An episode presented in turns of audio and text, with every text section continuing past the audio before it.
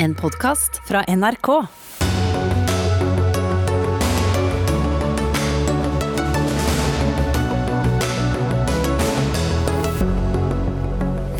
De neste seks månedene vil det være vedvarende fare for at koronaepidemien kommer ut av kontroll, ifølge Folkehelseinstituttet, som ønsker godt nyttår.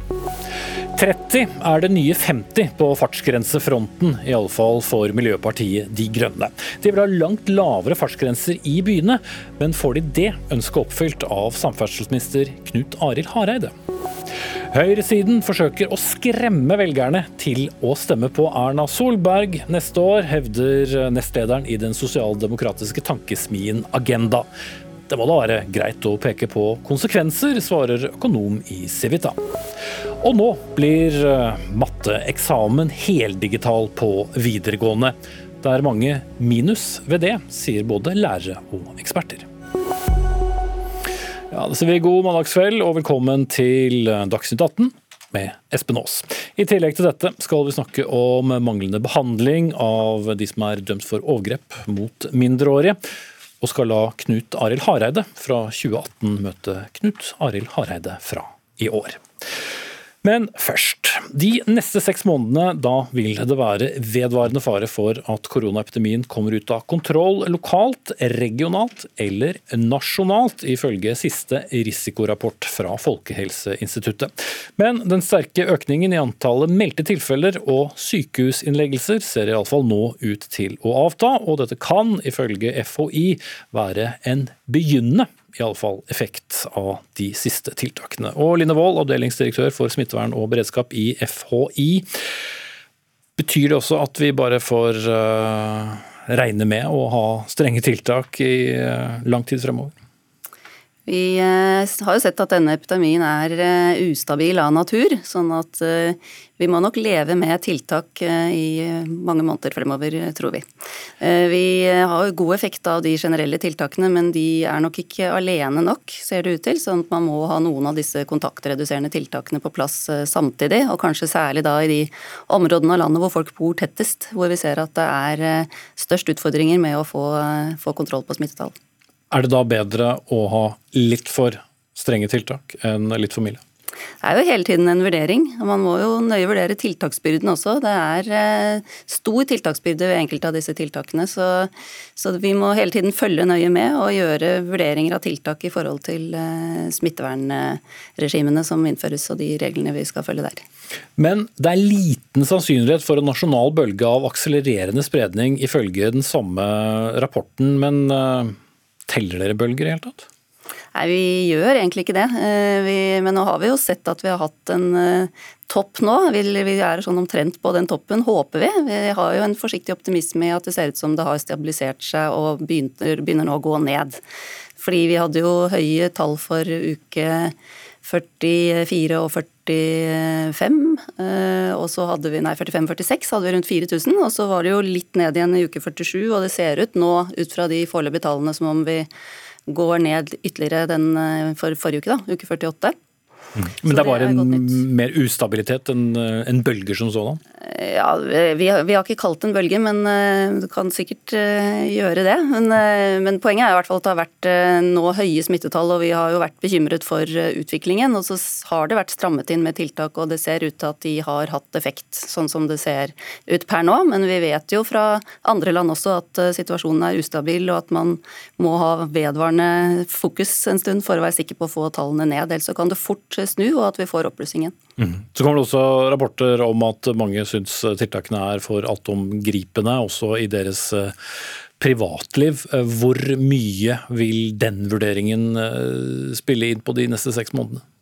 Det er klart at uh, Smitteverntiltak skal jo være forholdsmessige, så det vil alltid være en vurdering av tiltaksbyrde i forhold til effekt av tiltak. Og så er det jo nå um, sånn at vi i Norge har store geografiske forskjeller. sånn at det teller jo også med i vurderingen av tiltaksnivå. Og strategien nå er jo fortsatt å slå ned smitte lokalt, og vi ser at uh, nå har mange kommuner fått god erfaring med det. Det har vært mer enn 200 utbrudd som er slått ned lokalt i kommunene. Men det er ressurskrevende. Det krever krever mye av de kommunene som får oppblussing. Eh, det krever mye av TISK-strategien der, altså både av testsystemet og smittesporingssystemet. Så det, er, eh, det koster å, å, gjøre dette, og, og, vi må fortsette å følge nøye med. Og til slutt, eh, Dere snakker da om de neste seks månedene. Samtidig så hører vi jo da om denne vaksinen som stadig skal rykke nærmere. Men den vil ikke ha stor nok innvirkning i det tidsforløpet? Nei, eh, det tror vi ikke. Eh, det er jo vaksiner nå på trappene, så vet vi ikke hvor god effekt de har på på f.eks. smittespredningen. Det vi har fått resultater på, er jo hvor godt de beskytter, altså midlertidige resultater på hvor godt de beskytter mot alvorlig sykdom og død. Og det er klart at eh, Hvis man klarer å beskytte risikogruppene, sånn at eh, de er beskyttet mot alvorlig sykdomsforløp, så vil jo det ha innvirkning på våre risikovurderinger, og, og kanskje også da på tiltaksnivåene som, eh, som anbefales. Sånn at det har jo en effekt over tid. Men det vil ta tid før vaksinene kommer i noe særlig volum, og dermed har eh, noen substansiell effekt på sykdomsbyrdet. Sånn at eh, vi forventer jo at vi må leve med tiltak i en seksmånedersperiode fremover. Så mm. håper vi at vi får litt drahjelp også av klimaet når det begynner å nærme seg sommeren. Erfaringsmessig så er jo sesong for akutte luftveisinfeksjoner mer om vinteren. Så, og vi så at vi hadde lavere smittetall i sommer, som både kan være selvfølgelig effekt av tiltak, men det kan hende vi også har fått litt drahjelp av klimaet, sånn at det vil kunne muligens spiller positivt inn når vi nærmer oss sommeren. Bare komme oss gjennom en vinter først. Eh, I mellomtiden må vi sitte og se på den usynlige fienden eh, Einar Øvrenge, professor i filosofi ved Høgskolen eh, Innlandet. Og vi skal da leve med ganske inngripende tiltak. Hva, hva gjør det med oss? Nei, Det er jo det interessante som jeg egentlig har vært nysgjerrig på helt siden altså Jeg er jo ikke medisiner, jeg er filosof, men jeg har vært nysgjerrig på det siden vi startet med det i mars. altså Hva, hva disse tiltakene gjør med oss. altså, altså Samfunnet er smittevern viktig, men samfunnet er også mer enn smittevern. Hva det gjør med oss, hva det gjør med demokratiet vårt, hva det gjør med politikerne våre som f.eks. får smake på en annen måte å bruke makt på. Ehm, og jeg tenker jo at, eh, at det kan godt hende det lurer et annet folkehelseproblem under her, som vi skal ha med oss videre ganske lenge. For jeg tror jo, hvis vi går tilbake og ser hva er det folk forbinder med det å ha jeg håper å god helse og leve et godt liv, så, så er det disse opplevelsen av å ha makt i eget liv, eh, ha forutsigbarhet i, i, livet sitt, kunne styre det selv. Eh, en rekke beslutninger som vi tenker at det er helt selvfølgelig at vi må kunne ta selv, som, som plutselig noen andre skal ta for oss. Eh, og Det gjør noe med oss, og jeg tror ikke vi helt sikkert ser rekkevidden av hva det kommer til å gjøre videre med oss, og hva gjør det i forhold til dette tas jo ut i depresjon, det tas ut i rus, det tas ut i selvmordsproblematikken også. Dermed har jeg ikke sagt at smittevern er galt, men det er den balansen her og dette er et forholdsvis stort eksperiment, dette som vi nok eh, ikke har vært med på tidligere, for det er ekstremt inngripende. Så jeg er veldig, veldig nysgjerrig på det, på en litt sånn skrekkblant måte. da, av Hva er det som ligger fremover. Mm. Men du er mest nysgjerrig? Du, du, du, du ser ikke for deg noen svar? Nei, det er jo antageligvis ingen som har. Altså, Vi har jo invitert med samfunnet på et ganske stort eksperiment nå som vi ikke helt sikkert vet hva går ut på. Eh, og det er litt av det jeg løfter, det er litt av det som ligger i Jeg jobber med etikk, ikke sant, hvor vi hele tiden veier ting. ikke sant? Er, er, er holdt på å si, de løsningene vi kommer på, farligere enn problemstillingen? ikke sant? Altså, veldig mye etikk dreier seg om sånn kost-nytte, balansere. Eh, og det er klart at eh, Vi kan nok bli litt sånn, tendere mot det vi kan kalle sånn ensakssamfunn. At det er én sak vi er opptatt av i samfunnet. Men det er veldig mange saker man er opptatt av i samfunnet. For en terminalperson så kan den viktigste saken av alle være å tilbringe den siste julen sammen med sin nærmeste. Det er mye viktigere enn alt annet. Og at vi kan glemme det noen ganger. Men hvis vi går til dette med smitteverntiltakene, altså hvor blir det av alle individualistene i det norske samfunnet når egentlig noen forteller oss eh, hvordan vi skal oppføre oss på nesten alle arenaer? Mister vi litt den evnen, eh, samtidig som vi jo ser noen som er veldig opptatt av å fortelle at de vil tenke selv? Ja, nå kan du si at Norge vi scorer jo ekstremt høyt på, på tillitsmålinger i Norge. Vi er vel håper europamester og antageligvis verdensmester når det gjelder å ha tillit til helsevesen, politi, rettsvesen. Politikere har høy tillit til Norge, pussig nok. Altså, det har de ikke så mange andre steder. Men det interessante er jo selvfølgelig når den tilliten slår over i noe som vi liker mindre godt, kanskje en form for lydighet. Det er vi ikke tjent med. Vi er ikke tjent med en lydig befolkning, altså som ikke stiller spørsmål og utfordrer politikere tar beslutninger. Den viktigste driveren i vitenskap så vel som i demokrati er jo motstand, kritikk og opposisjon. Eh, I tillit så ligger det der som en mulighet, men i lydighet så gjør det ikke det. Når det på en måte bikker over? For det, for, for det, er en annen side ved det tillitssamfunnet Norge det er at det er ganske konformt. Vi er ganske konforme, vi nordmenn. Så Der ligger det også noen farer fremover, også beholde noe av den kritiske opinionen som skal holde politikerne i ørene. ikke sant? De er våre folkevalgte.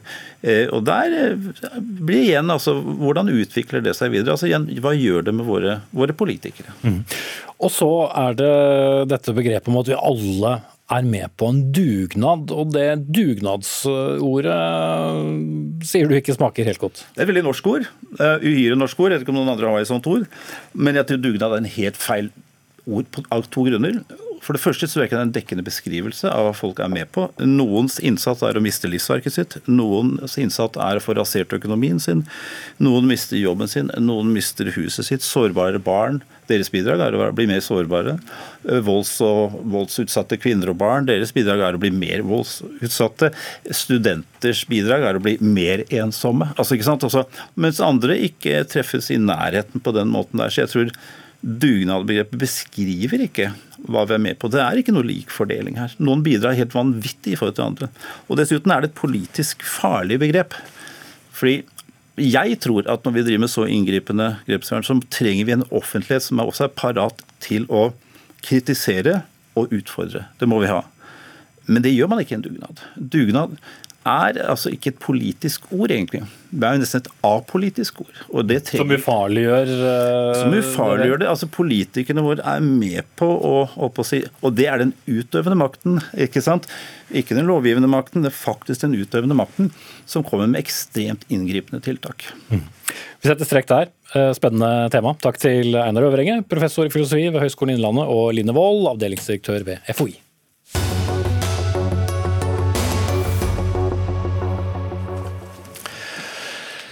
30 er det nye 50, og da er det ikke oss som begynner å nærme oss middagshøyden som skal unnskylde oppførsel, men jeg snakker om fartsgrenser. For Miljøpartiet De Grønne tar i sitt uh, siste utkast til partiprogram til orde for å senke fartsgrensene i uh, byene fra 50 til 30 i områder der det er mange myke trafikanter. Og er det en skole i nærheten, ja, så bør farten begrenses til 20 km i timen. Og nestleder i eh, MDG og også byråd for miljø og samferdsel i landets største by, Oslo, Arild Hermstad. Du kommer fra snekringen av partiprogram eh, nå. Hvorfor er dette en viktig sak? Det er veldig mange gode grunner til det. Eh, F.eks. lavere bedre luftkvalitet, det blir mindre støy. Men det aller viktigste handler om trafikksikkerhet. Det er sånn at hvis en bil treffer en syklist eller en fotgjenger i en fart inntil 30 km i timen, så har du 80 sjanse for å overleve. Hvis den samme bilen holder 50 km i timen, så er sjansen for å overleve 20% hvis du er en fotgjenger eller en syklist. Eh, og dette er jo Jeg kan ikke skjønne at ikke dette er noe som alle forstår at det er fremtidsrettet. Byene våre trenger flere folk i gatene, det trenger å føles trygt. Så det er ikke bare den rett sånn fysiske utryggheten, men det er rett og slett også følelsen av at det kommer noen eh, som har fått veldig mye plass, og som får lov å kjøre veldig fort. og det tror jeg at vi snarest bør gjøre en endring på. Mm. Men nå er jo fartsgrensene satt ut fra trafikksikkerhetsmåling uh, også i dag. Det er jo ikke 50 forbi uh, skoler og fotgjengerovergang. Der er det jo 30 i dag, så der er det jo en 10 km grense.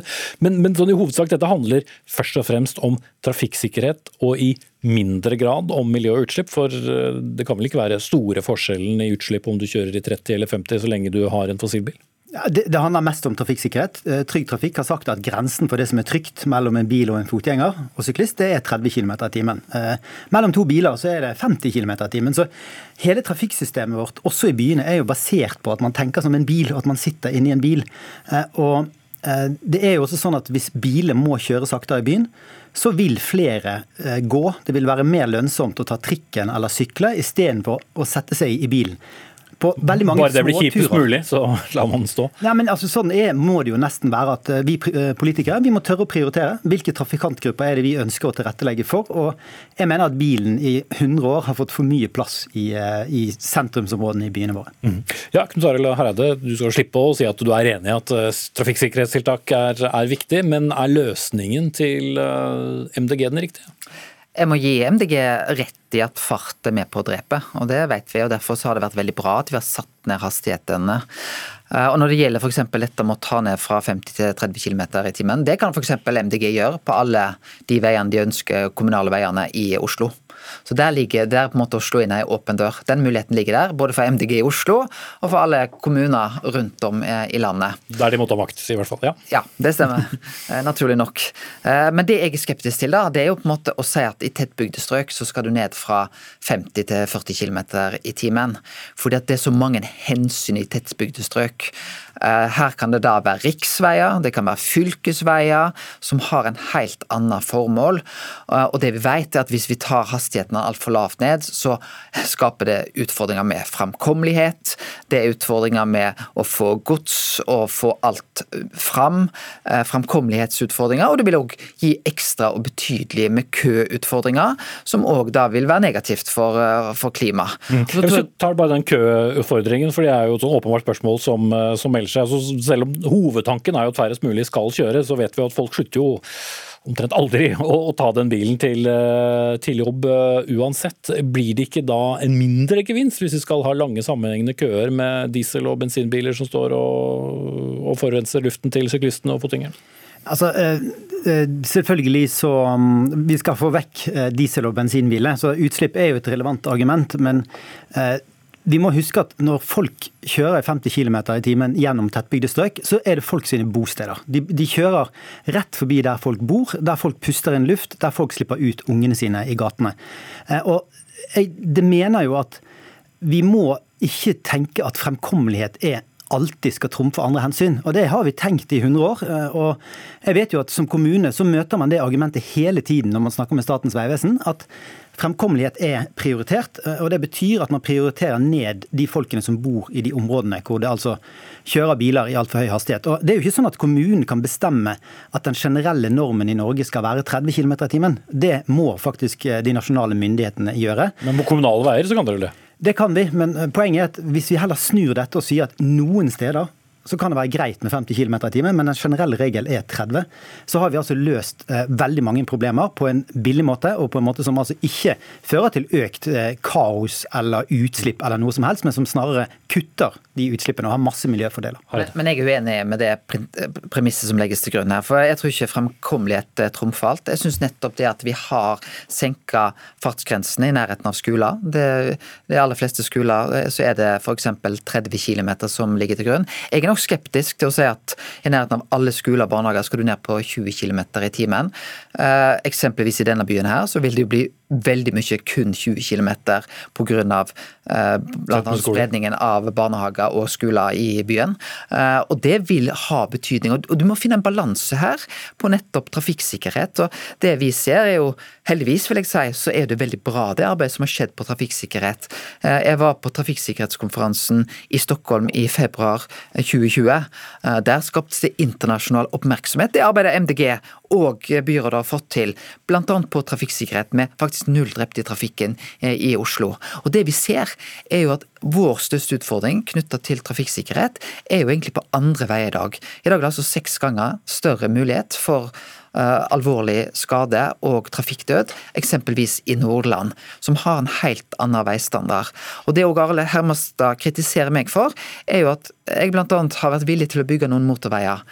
Og den siste motorveien jeg åpna i Innlandet Men nå begynner vi å snakke om noe annet, som, eh, som dere er så glad i, dere politikere. La oss holde, la oss holde oss til det, det, som er temaet. som er takken jeg fikk for å åpne den veien, det gjaldt på trafikksikkerhet. Fordi at vi har sett at den type veier er med på å gi bedre trafikksikkerhet. Mm.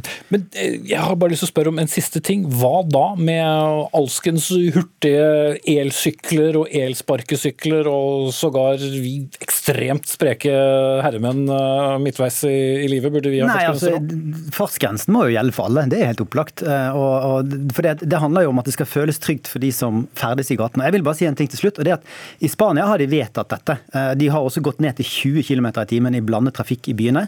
Eh, I Nederland jobber de med det samme. Eh, så dette er jo en trend i mange europeiske byer, så er 30 km i timen standarden. og jeg tenker at dette, Dere må gjerne kjempe imot, men jeg er sikker på at dette er noe som folk vil ha. Som men, men som Hareide sa, der dere eventuelt da styrer, så kan dere gjøre det. Så vil vi nå se det i, i de kommunene som, som MDG er med å styre? Altså I Oslo gjør vi jo masse, som uh, Knut Arild var inne på. Mm. At, men også jeg er glad for den rosen vi får for det, men det er klart det vil vi gjøre. Men det hadde vært mye enklere for oss hvis vi slapp å gjøre det gate for gate, men at det faktisk kom en nasjonal regel om det. Ok, jeg setter eh, strek der. Takk til eh, Arild Hermstad, nestleder i MDG og byråd for miljø og samferdsel i hovedstaden, og samferdselsminister Knut Arild Hareide, som skal bli sittende, for han skal møte seg selv om litt.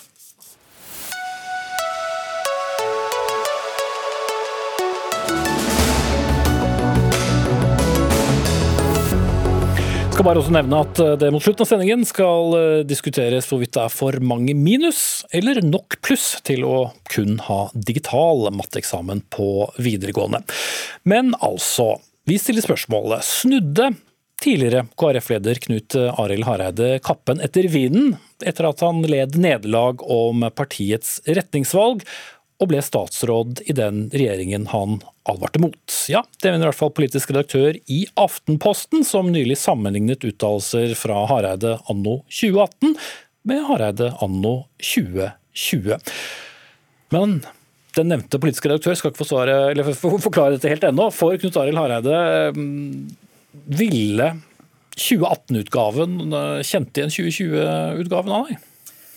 Ja, jeg mener så absolutt. Eh, litt eh, flere grå hår eh, i utgaven i 2020 enn i 2018. Sånn er det kanskje òg med redaktør Alstaheim. Eh, så er det sånn, jeg skal være så ærlig å si at Når jeg skrev en liten replikksvar på Alstaheim, så er det litt som å gi replikk på Nytt på Nytt. Eh, det er humørfullt, men det er òg med en eh, undertone av alvor når Alstaheim skriver sine veldig gode kommentarer. Jo, for Det var nok ikke kjempemange som minuttene etter at du gikk av talerstolen etter å ha innrømmet nederlaget i veivalget, som helt så for seg at du skulle bli en del av den regjeringen som du syntes det ikke burde bli? Ja, men så er det ikke helt den samme regjeringa. En veldig viktig forutsetning for meg var jo at Fremskrittspartiet valgte å gå ut av regjeringa i 2020. Fordi jeg hadde garantert for velgerne jeg skulle ikke gå i regjering med Fremskrittspartiet. Og den regjeringen jeg gikk inn i, var altså den regjeringa som jeg gikk til valg på eh, i 2017. Mm. Eh, og så er det også sånn at når jeg da holdt mine taler høsten 2018, så var det ikke sånn at jeg sa at eh, KrF skulle bli et sosialistisk parti. At vi skulle gå til venstre på alle føringene. Vi skulle stå for politikken vår.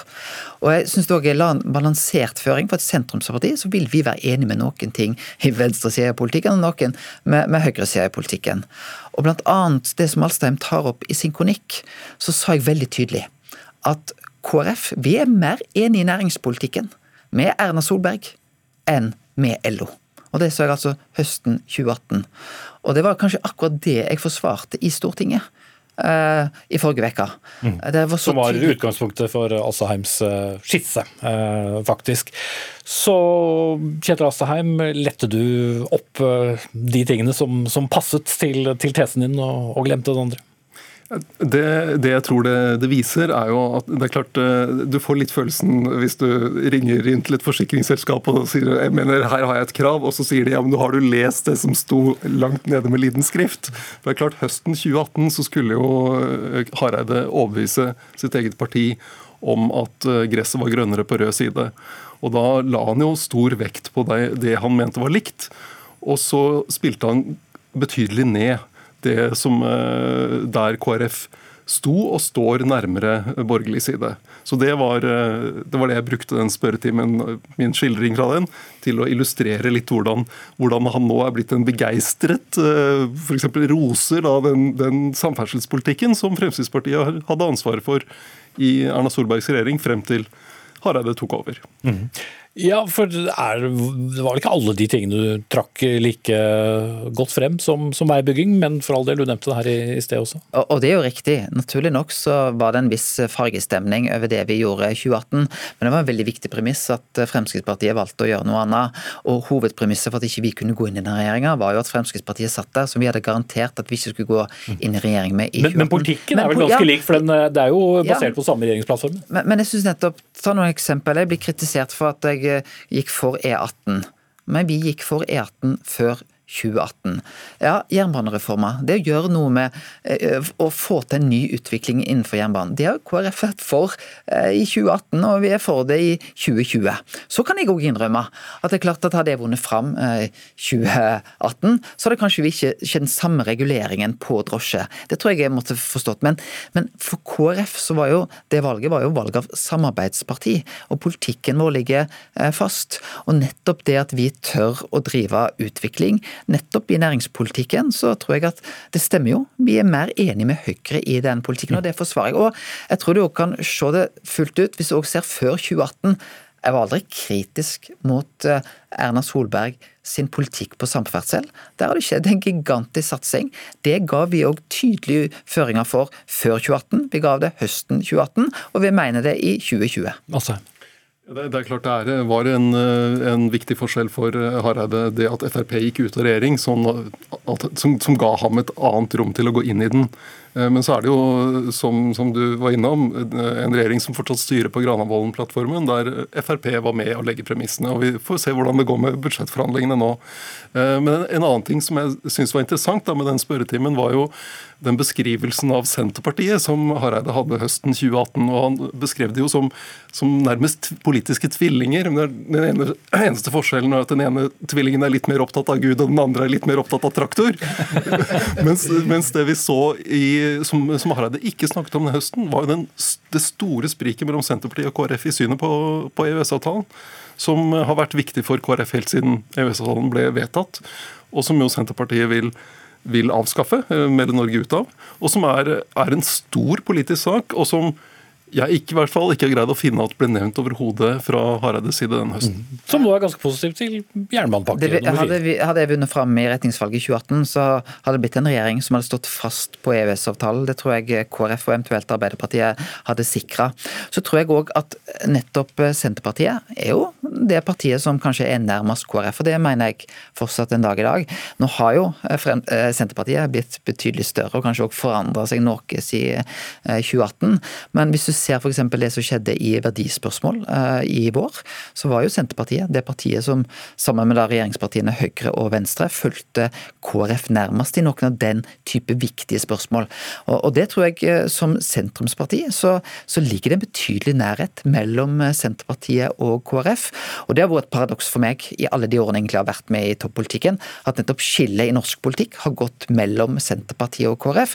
De partiene som på veldig mange spørsmål er så enige. Mm. Men Alsheim er, er ikke så overrasket etter å ha dekket norsk politikk i ganske mange år om at uh, hvis en politiker får muligheten til å faktisk få være med og styre, så griper hun eller han det vel så mye enn å på dødeliv minne seg selv om to år gamle uttalelser? Ja, altså jeg syns jo politikere og partier skal søke makt, så det, det er det, det, Men jeg syns det er interessant å, å, vise fram likevel. Og så er jo akkurat når vi står nå oppe i disse budsjettforhandlingene, så er det jo interessant også å se på det Hareide sa høsten 2018 om forskjellen til til Frp på bistand, på kvoteflyktninger, på alkoholpolitikk. Og Det er akkurat de tre punktene der Frp nå har satt inn støtet på det, altså der det gjør vondt for KrF. Så vi ser hva som kommer ut av det. Mm. Og om en halvtime så er det nytt møte, faktisk, eh, med i hvert fall eh, de fire partiene nede på statsministerens kontor.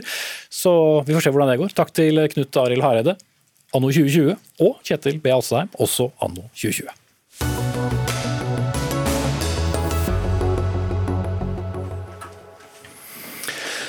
Tallet på seksuelle overgrep mot barn under 16 år har gått opp med 3,2% under koronapandemien. Det viser tall fra Politidirektoratet, og det var Aftenposten som meldte om det. Samtidig så viser en undersøkelse som vi i NRK har gjort, at én av ti som er dømt for eh, seksuallovbrudd mot barn, er dømt tidligere for lignende lovbrudd. Dersom de hadde vært stanset, så viser denne NRK-undersøkelsen at 388 navngitte barn hadde vært spart for overgrep. For de som er dømt en gang for overgrep, får ikke nødvendigvis et tilbud om behandling eller et støtteapparat etter endt eh, soning.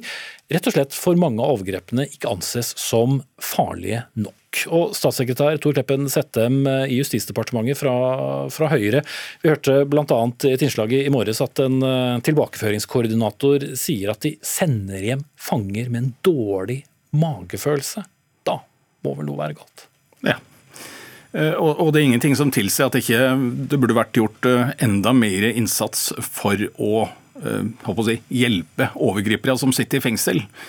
Eh, men på den annen side, vi, vi må jo gå før vi løper. Eh, og bare det at vi først har satsa så mye på å avdekke kriminalitet, få flere mennesker dømt for denne typen kriminalitet. Veksten har jo vært enorm de siste årene. Det skyldes nok både politiets økte innsats og at internett åpner dørene for en del seksualovergrep som vi tidligere hadde gått fri for.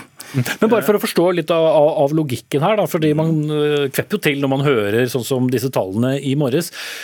Men er det fordi at eh, denne sekken med, med, lovbrudd spenner over så mye? Alt fra å ha lastet ned overgrepsbilder mot barn eh, fra internett, som vil være mildere, et mildere lovbrudd enn å begå et faktisk overgrep. Ja, der peker du nok på ett element, eh, altså bredden i, i lovbrudd, ja, men også bredden i lovbrytere. Og ikke minst selvfølgelig at det er et stort spenn mellom dem som eh, fornekter og ikke overhodet vil være med på at de har begått noe galt, til dem som erkjenner og tar inn over seg at de har et alvorlig problem. Eh, og nå er det jo da eh, et prosjekt som, som, heter Basis, som jo du sikkert er kjent med og kommer tilbake til. Som jo starta ved inngangen til dette året, og som nettopp har til hensikt å løfte helsevesenets og kriminalomsorgens innsats for å hjelpe overgripere bort fra sin overgrepsproblematikk. Vi bør ta inn en fagperson her også. Margrethe Wide Aasland, du er sexolog og, og, terapeut og har jobbet da med behandling av overgripere i, i mange, mange år.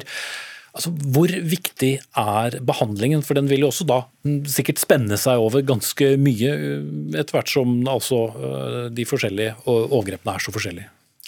Ja, altså de, Alle de som begår seksuelle overgrep, bør jo selvfølgelig ha, ha hjelp. og til å prøve å finne Det vi ofte spurte om, det var hvordan hadde du det når du var liten? Altså, det er og det er et langt lerret å, bleke. Du må grave deg helt tilbake til ja, overgriperens barndom? Altså, de må grave i seg selv og prøve å finne ut hva kan grunnen være, hva kan årsaken være til at jeg, at jeg er der jeg er i dag? Hva kan grunnen være til at jeg havnet i fengsel for å ha begått overgrep mot barn? Og Det er et langt lerret å bleke. Kanskje de ikke kommer på det før på to-tre år etterpå hva grunnen kan være kanskje fem, seks, syv år. For det er jo et, et, langt liv som de skal gå igjennom og, og se, løfte hver sten som kan vise hva var grunnen til at jeg begynte med dette her? Hva var grunnen til at jeg ikke stoppet opp. Og, og, og Som ble beskrevet i denne saken, så, så kan jo begynnelsen på overgrepet være ganske langt unna et fysisk overgrep. Det kan være enten å lure eller tvinge et barn via uh, Snap eller andre sosiale medier til å kle av seg, vise seg frem, begå seksuelle uh, handlinger. Men mener du da at nærmest uansett graden uh, av, av overgrep, så bør man gå den veien? Ja. Altså de, de, lokker og lurer og manipulerer og tvinger og truer eh, barn til å delta i, i seksuelle aktiviteter som barn verken er modne til eller, eller har forståelse og, og vite at, det, at, de kanskje er med på det. Kanskje noen barn blir lurt og syns dette er litt spennende, litt morsomt, men det må være hemmelig. Og Overgriperen går kanskje fra vanlig berøring til seksuell berøring, at det går sånn gradvis. da. Uh, og truer selvfølgelig også barn til å ikke si noe. Men uh, jeg har jo snakket med veldig veldig, veldig mange overgripere, og veldig mange av de sier at de, de de er ikke veldig stolte av det de gjør, og de er jo ganske altså det, er, det er en tung last å bære, da. Mm. Når man først får en pustepause med å komme deg i fengsel og kan få anledning da til å sitte og tenke over Hvorfor havnet jeg her, egentlig? Mm. Men det jeg prøver å komme litt frem til, er jo eh, Du leser jo intervjuer med noen av disse, og du kan starte med det de tror i hvert fall selv er en slags sånn nysgjerrighet. At det er spennende eh, å se, se, en ungdom eh, avkledd eller, eller, hva du vil. Og at derfra mange heller ikke tenker at de vil kunne komme til å begå et fysisk overgrep, selv om det å tvinge frem bilder også er overgrep. Så det er en likhet uansett. Ja, fordi De begår jo overgrep uten å ha noe samtykke, blant annet, og pluss at kanskje alder, aldersspennet er stort, og pluss makten kan være mye større. Og veldig tydelig større makt eh, har den som begår overgrepet, enn den som utsettes for det. Mm.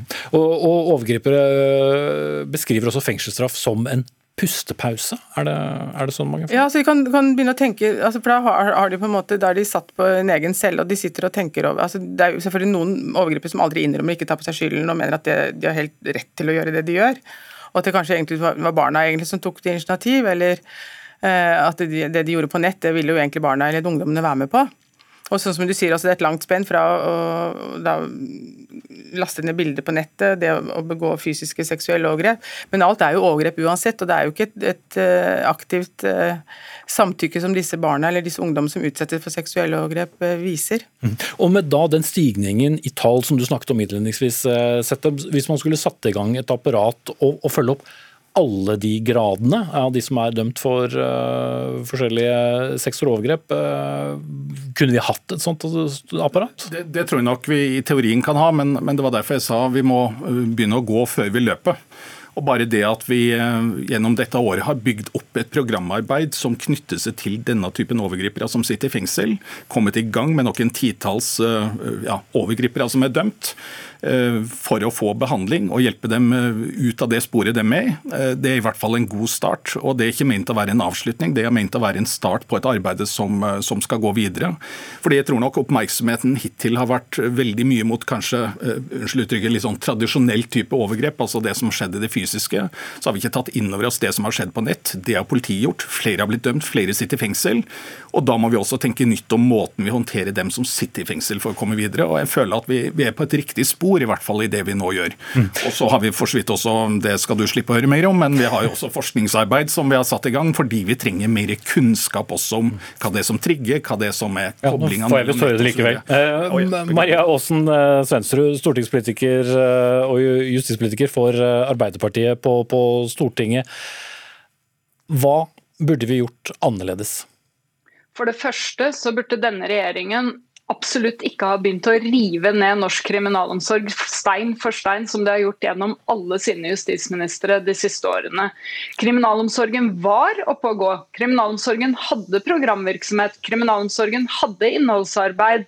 Dette er blitt revet ned, og, programvirksomheten har bl.a. forsvunnet fra veldig mange fengsler.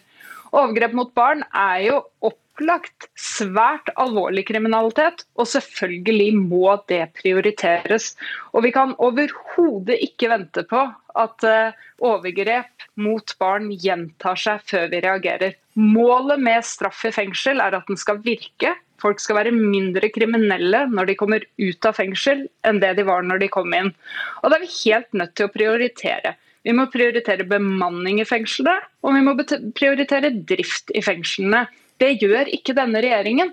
Det settes overhodet ikke av nok midler til at gode, kompetente ansatte på jobb kan være ute i fellesskap med innsatte, kan være ute i gangen, ute og lytte eh, og ta til seg det de innsatte snakker om, snakke med de innsatte. Det er heller ikke nok eh, prioritert rundt arbeidsdrifta, eh, rundt miljøarbeid, helsearbeid og alt det Ok, vi tror vi skjønner uh, poenget, men er det da Handler det om prioritering her, Sette? At man har valgt å prøve dette ned? Altså, det er jo ikke ned. første gang jeg hører den typen kritikk, men det, det, stemmer bare ikke med det virkelige bildet. Fordi vi jo, vet for det første det at antallet innsatte har altså gått ned.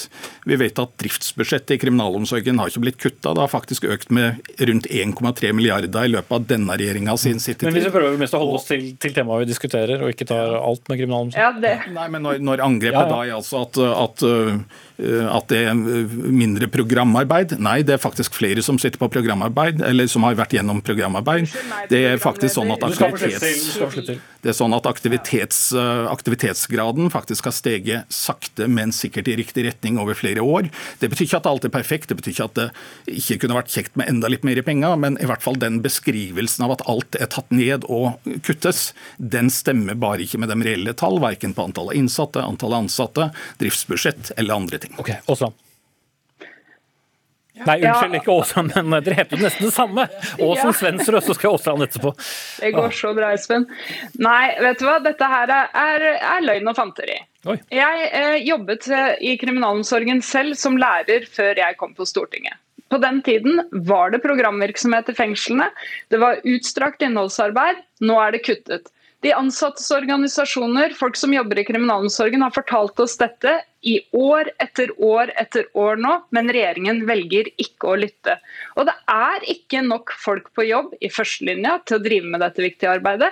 Det er ikke prioritert midler til kriminalomsorgen for å styrke programarbeidene, og det har det heller ikke blitt ved dette budsjettet. Arbeiderpartiet har full inndekning for å styrke innholdsarbeidet, styrke en økt bemanning og styrke drifta i kriminalomsorgen. Det vil hjelpe på rehabilitering av innsatte, også innsatte med svært alvorlige lovbrudd bak seg. Sånn så, så mer penger, da, ikke en annen, annerledes prioritering, er det det som er svaret ditt? Altså, selvsagt må det mer penger på i, i, driftsbudsjettet til kriminalomsorgen. Skal det komme flere folk på jobb, og skal man kunne drive med straff som virker. Det nytter ikke bare å låse folk inn på en celle og tro at de blir friske av seg sjøl. Å rehabiliteres skjer i et samarbeid med veldig kompetente eh, fagfolk, og gjerne fra flere forskjellige sektorer. Og særlig overfor den gruppen som vi hører fagfolkene her forklarer, hva som må på plass for at vi faktisk skal kunne sende dem ut igjen i våre nabolag og sørge for at vi er trygge og at barna våre er trygge. Ok, eh, Har du fått én salve, så kan du egentlig få to. da, så Ta med Aasland, som jeg eh, ja, altså Jeg har vært uh, i denne og jobbet i forhold til seksuelle overgrep mot barn siden 1986 omtrent. Så dette er ikke ny Det er ikke helt nytt at overgripere trenger behandling. Eh, dette har man hatt en lang tid på seg til å kunne gi de et, et, godt tilbud. Og Det er klart, det, det skjer lite grann, og så trekker det seg tilbake, sånn som du sier. Sånn at det hele tiden så vil det være kamp om penger og kamp om midler til å forstå at det er viktig at overgripere også får hjelp. Og Det har vært, også vært motstand mot at overgripere skal få hjelp, for at de har gjort de, de tingene de har vært. De kan liksom gå dra på Bastøy og bli borte og bli kastrert og alt mulig. Men dette her de er mennesker nei, og dette er jo mennesker som kommer tilbake igjen, som kommer ut i samfunnet. så De trenger å få den hjelpen de trenger for å kunne rehabiliteres slik at de slutter å begå overgrep og, og, og begå nye seksuelle overgrep mot unger og andre som, eh, som kommer i deres vei. Mm. Da Settem, skal du få siste ord. Ja, Det siste er det ikke vanskelig å være enig i. og Så får jo Åsen Svendsrud og jeg ha hver vår virkelighetsoppfatning. Jeg skal ikke trøtte, jeg skal ikke trøtte det med, med store budsjettallene, men altså, det har vært en satsing på psykiatrien, det har vært en satsing på rusmestring, det har vært en oppbygging av det prosjektet vi snakker om nå, som jeg mener bestemt at har vært sterke satsinger og tydelige satsinger. Og så er det alltid sånn at jo, det hadde vært kjekt med flere ansatte, flere penger. Jeg forstår at det selvfølgelig kunne gitt enda litt bedre uttelling, men jeg er ganske stolt over mye av det vi har gjort. Mm. Da setter jeg strek, for der er vi akkurat eh, på tid. Takk til Tor Kleppen Settem, statssekretær i Justisdepartementet fra Høyre, Margrethe Widde Aasland, som er sexolog og terapeut, og Maria Aasen Svendsrud, stortingsrepresentant fra Arbeiderpartiet. Det var mye oss i et studio.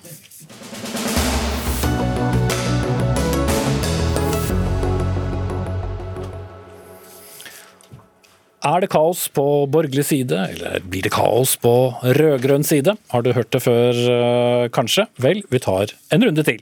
For høyresiden forsøker å vinne valget neste år med å skremme velgerne til å stemme på Erna Solberg. Det skriver nestlederen i den sosialdemokratiske tankesmien Agenda, Sigrun Aasland, i Dagsavisen i dag.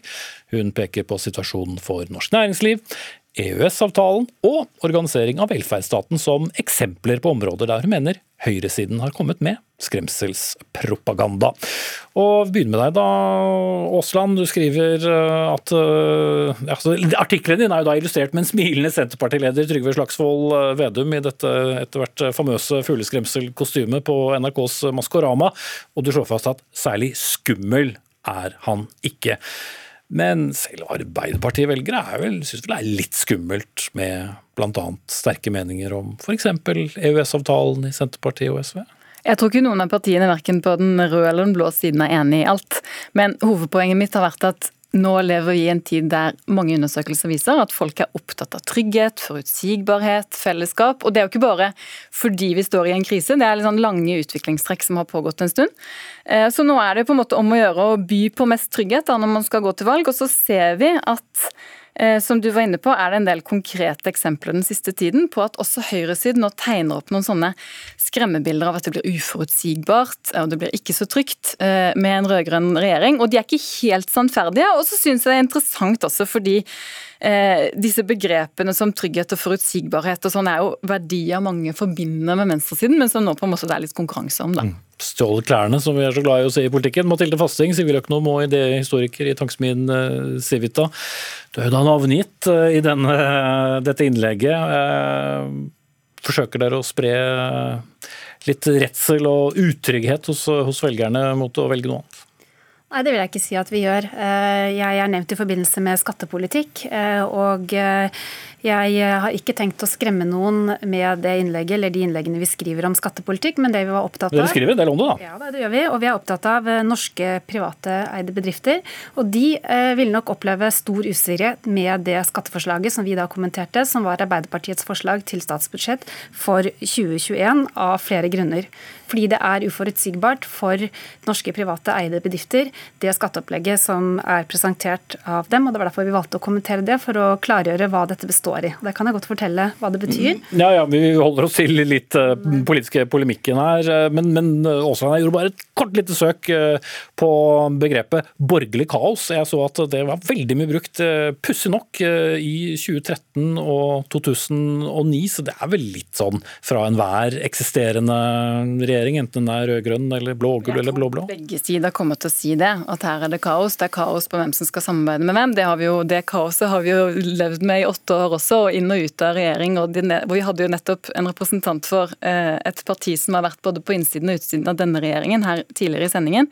Eh, men jeg hadde lyst til å kommentere litt på det Mathilde Fasting sier, fordi jeg har tatt tak i nettopp hennes tekst eh, om at det er uforutsigbart å reversere kutt i formuesskatten. og jeg tenker at Det er jo knapt noe som er mer forutsigbart enn at venstresiden vil ha høyere formuesskatt og høyresiden vil ha lavere formuesskatt. Det som kanskje er mer uforutsigbart, er jo f.eks. nå at regjeringen bruker mye tid på å få på plass nye krisepakker. Kommer ikke før i februar, enda de visste at det kom en ny smittebølge i høst. Så jeg stiller noen spørsmålstegn ved hvilken politikk som er mest uforutsigbar for bedriftene. Eh, og syns ikke det er så lett å se at det er uforutsigbart, det skatteopplegget som man på en måte vet at det er enighet om mellom, uenighet om mellom høyre- og venstresiden. Mm. Kanskje ikke så overraskende med tanke på hvilket ståsted dere har den tanken men like lite overraskende selvfølgelig at du kommer med de advarslene du gjør. da ja, altså... men, men, blir da egentlig forskjellene så store? Vi har jo hatt noen eh, regjeringsskifter opp gjennom årene, og det, det har jo ikke vært sånn at landet har blitt fryktelig forandret? Nei, men jeg kan tro Det er flere grunner til at det kan se ut som at det kan bli sånn nå. Det ene er at det forslaget som Arbeiderpartiet har lagt frem nå, det skal holde skattenivået jevnt, helt likt, bortsett fra på formuesskatten. Der skal de øke. Og eh, veldig kort fortalt så betyr den økningen en dobling av skatten på arbeidende kapital, altså for næringskapital, fra ca. 7,2 milliarder, som er det som er provenyet i dag på de borgerlige partiene, til nesten det dobbelte. De skal øke altså med 9 milliarder. Ikke alt alt det går på bedriftene, men mesteparten av den gjør det pga. innretningen av hvordan de har sagt det skal gjøres. Og så er det sånn at De også har sagt at det ikke er noen grense for hvor høyt de kunne tenke seg å sette eh, prosentsatsen. altså Den skal øke fra 0,85 til 1,1 og til 1,3% for høye formuer.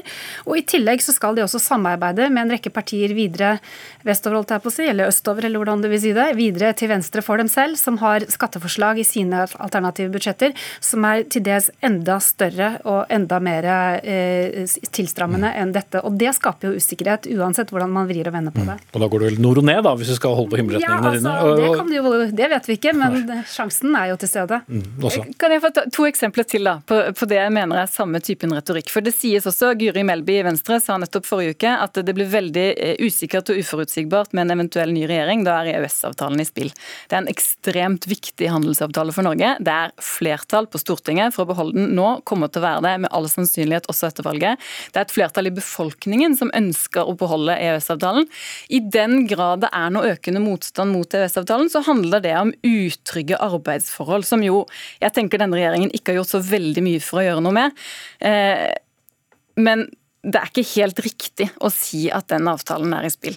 Eh, og Det andre eksempelet eh, er fra eh, Mathilde Fastings kollega Kristin Clemet i Civita, som ved flere anledninger har sagt at hvis det blir en ny regjering i 2021, så blir det slutt på pragmatismen i velferdspolitikken. Og Det er jo heller ikke helt riktig. Det er en uenighet. På samme måte som det er uenighet om skattepolitikken, så er det uenighet om hvor mye privatisering og konkurranse man skal ha i velferden.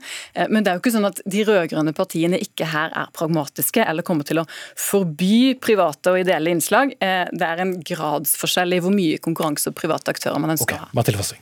Ja, altså Jeg kan ikke kommentere spesifikt på de eksemplene som du nevnte nå, for det er ikke det jeg har skrevet om. Kolleger av meg i Civita har gjort det. Jeg mener jo at enhver usikkerhet om EØS-avtalen vil være veldig betydelig og til dels eh, ødeleggende for norsk næringsliv hvis den skulle komme i spill, uansett hvordan man vrir og vender Det, det de vel har sagt, er vel å utrede mulige alternativer. Ingen har vel sagt at de skal Hva slags siden. spørsmål man stiller når man ønsker å få den utredningen på plass. Ulf Sverdrup hadde en ganske bra kronikk i DN i dag, så vidt jeg husker, og han skrev en del ting som kunne være fornuftige spørsmål å stille når det gjaldt norsk eh, forhold til EU og EØS-samarbeidet, og også for så vidt hva som skjer nå med brexit. Det er jo ikke noe veldig rart å tenke seg at usikkerheten blir stor når man ser hva som skjer i, eh, i UK for tiden. Mm. Men uansett, hvis man skal endre det bestående, så vil det jo komme med en, en viss grad av uh, usikkerhet. Og da handler det vel egentlig aller mest om at vi i debatter uh, som i, i Dagsnytt 18 og andre steder må, må vise frem forskjellene. men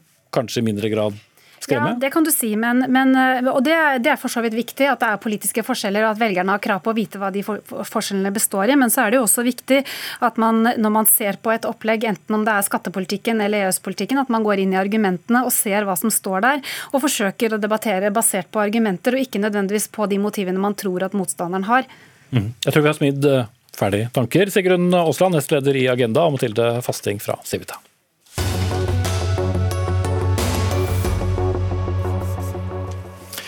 Matteeksamen på videregående blir nå heldigital for første gang. Tidligere har eksamen vært delt i to, én med penn og papir og én digital. Men etter det som heter fagfornyelsen, så rydder vi bort penn og papir. Flere lærere og lærerorganisasjoner har uttrykt en viss bekymring for dette, og også på Institutt for matematikk på Universitetet i Oslo bekymres det. Tom Lindstrøm, du er professor i, matematikk der. Hva er det som bekymrer med en digital eksamen i 2021? Ja, Det som kanskje først og fremst bekymrer, er at vi ikke vet hva slags digital eksamen det blir. Vi vet ikke noe om de hjelpemidlene som kommer til å være tilgjengelig. Og Det man vel frykter først og fremst, er at det blir en digital eksamen med skjerm og tastatur og mus.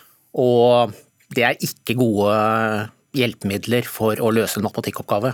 Du kan, du kan, jo prøve å løse en geometrioppgave selv ved hjelp av tastatur og mus. Kan du se hvor langt det kommer. Mm. Men, men, litt av bekymringen som jeg har forstått med andre som jeg har snakket med, er jo at med en digital eksamen så blir det mer fokus på det endelige svaret, og kan bli i alle fall mindre fokus på selve utregningen, hvordan du kommer frem til svaret. Det ligger en fare der. For det første er 20 av eh, settet satt av til oppgaver av den typen. Eh, av en litt ubegripelig grunn, syns jeg. Eh, og det andre er jo igjen dette med de hjelpemidlene du har. Altså hvordan skal du formidle svaret ditt i en digital eksamen. Mm. Vi er redd for at litt lange algebraiske utregninger skal bli borte fra eksamen f.eks. Rett og slett fordi det er vanskelig å føre ved hjelp av tastatur. Mm. Ja, Sissel Skillingshaug, du er divisjonsdirektør i Utdanningsdirektoratet. Kan du legge bort noen av bekymringene til professoren her? Ja, Nå er det mange ting du tar opp eh, samtidig, men eh, først og fremst så tenker jeg at altså jeg forstår at det er en viss usikkerhet knytta til nye eksamener. For vi har nye læreplaner, og de har ikke virket et helt år enda. Så De første som kommer til våren, det er to eksamener. Det er i eh, engelsk og i matematikk. De har vi ikke sett ennå. Og så lager vi eksamen på en litt annen måte nå enn det vi har gjort før. Det ene er at vi ikke har lagd ferdig eksempelsett. Vi har liksom ikke sittet inne i direktoratet og tenkt ferdig helt hvordan det skal se ut, og publisert det ved skolestart. Men vi har lagd noen eksempler på oppgaver. Men det betyr Skillinghaug, at ja. professoren har rett i at ingen vet hvordan denne eksamen blir? Ja, jeg må bare fullføre det resonnementet okay. for å få frem poenget her. Men da har vi bedt om tilbakemeldinger fra både elever og lærere. Og så prøver vi samtidig ut disse eksamensoppgavene med elever. Og når vi gjør analyser av den utprøvingen etterpå, så vil vi vite mye mer om hvordan det fungerer fungerer. Og vi skal sørge for at det kommer ferdig sett tidlig nok til at alle skal få kunne forberedt seg godt til de nye eksamene. Jeg syns jo det er sent allerede. Vi er halvveis i skoleåret. Ingen vet hva man sikter mot. Min personlige mening er at dette er altfor seint. Mm. Ja, og da vil jeg si Det er læreplanen som er forskrift, det er læreplanen som skal styre. Også eksamen. så Det betyr at hvis man jobber godt med eksamen, nei, med læreplanen, så vil man også forberede elevene godt på eksamen. Ja, men da må dere lære lave, læreplaner som er presise, slik at man vet hva man sikter mot. De nye læreplanene er veldig diffuse. Det er nesten umulig å vite hva man faktisk blir testet på til eksamen ut fra læreplanen. Mm. Men La oss ikke ta hele den store læreplandebatten, for den har vi tatt så mange ganger. Men, men den biten som går på metode da, i, i matematikk. altså Én ting er å sitte med, med, med ruteark og, og blyant og passer og alt man måtte ha, men noe annet er å overføre det til eh, skjerm. Blir metoden mindre viktig? Nei, altså, nei, den gjør jo ikke det. Altså, jeg hører på det du sier, Blina, at du er kanskje bekymret for liksom, det med å vise frem utregninger og en del sånne ting. Eh, og du vet veldig godt at en, Noe av de endringene i læreplanen i matematikk handler jo om at ikke det er like viktig å se den nøyaktige utregningen og finne kompetansen gjennom det, men at elevene faktisk er litt aktive i tilnærmingen til matematikk. De skal utforske mer, de skal eh, løse problemer. og Da betyr det f.eks. å stå ovenfor en utfordring og selv gjøre noen valg. Og så må vi huske på at du argumenterer for å få en del grunnleggende matematikk inn i eh, eksamen. Elevene som skal ha eksamen til våren, de har gått på eh, skole i elleve år. Så de har måttet jobbe med de byggesteinene over lengre tid. Når du kommer til eksamen, da, så skal du vise noe mer helhetlig og eh, etter et lengre løp. Og da er nettopp det å kunne gjøre de valgene, å kunne velge hvilken fremgangsmåte, begrunne den eh, fremgangsmåten, vurdere om du trenger å bruke hjelpemidler eller ikke, det er den kompetansen vi er ute etter at elevene skal vise. Lindstrøm. Eh, hvordan skal man la være å bruke hjelpemidler hvis noe digitalt er alt man har?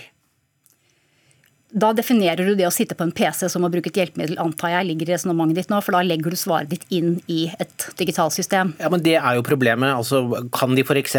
Hvis det er en geometrioppgave, kan de løse den på et ark, lage en tegning, eh, ta bilde av den og laste opp? Er det en fullgod eksamensbesvarelse? Akkurat, altså akkurat hvilke type filformater vi vil tillate til denne første eksamen, er vi ikke helt endelige på. Det ligger en del formater i det systemet, for vi har et nytt system også. Mm. Og nå er vi sånn i fare for å bli veldig tekniske, men, ja. men det blir også fordi at norske elever får eh, Norske skoler har stor frihet i å velge hva slags type tilnærming. Så vi må jo sørge for å lage en eksamen som møter alle den variasjonen i opplæring elevene har hatt.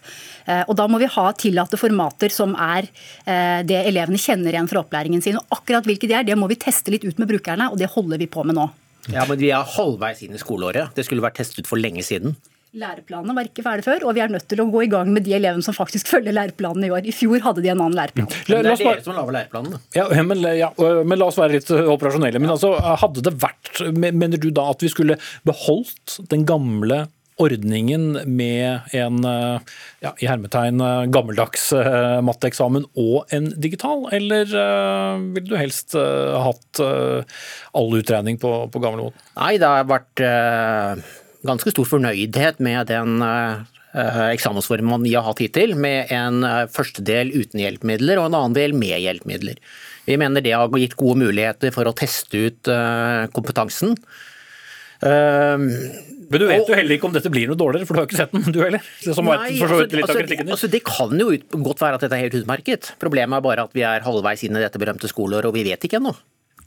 Vi har jo noen analyser av de eh, tidligere eksamensoppgavene hvor det var én del uten hjelpemidler og én del med. Eh, og ut fra de analysene, selv om ikke de er fulldekkende, så antydes det i hvert fall at det er omtrent den samme kompetansen som prøves. Ergo det gir ikke helt mening å dele det opp på den måten.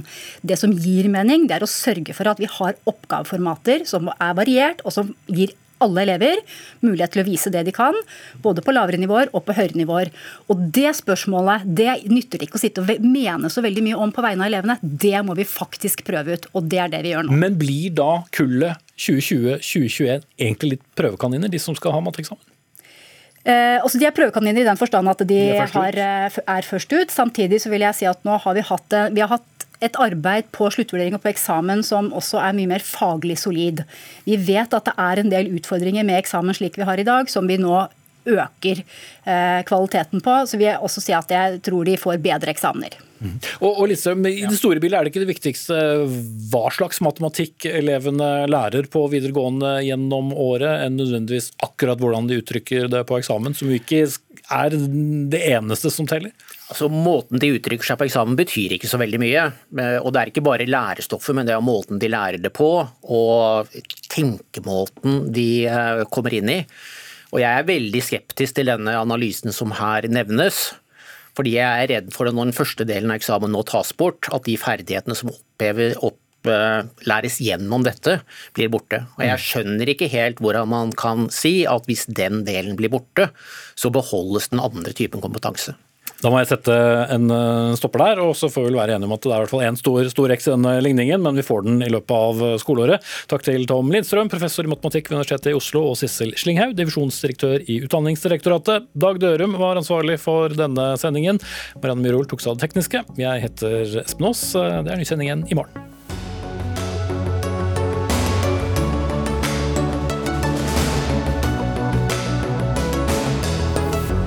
Du har hørt en podkast fra NRK. Hør flere podkaster og din NRK-kanal i appen NRK Radio.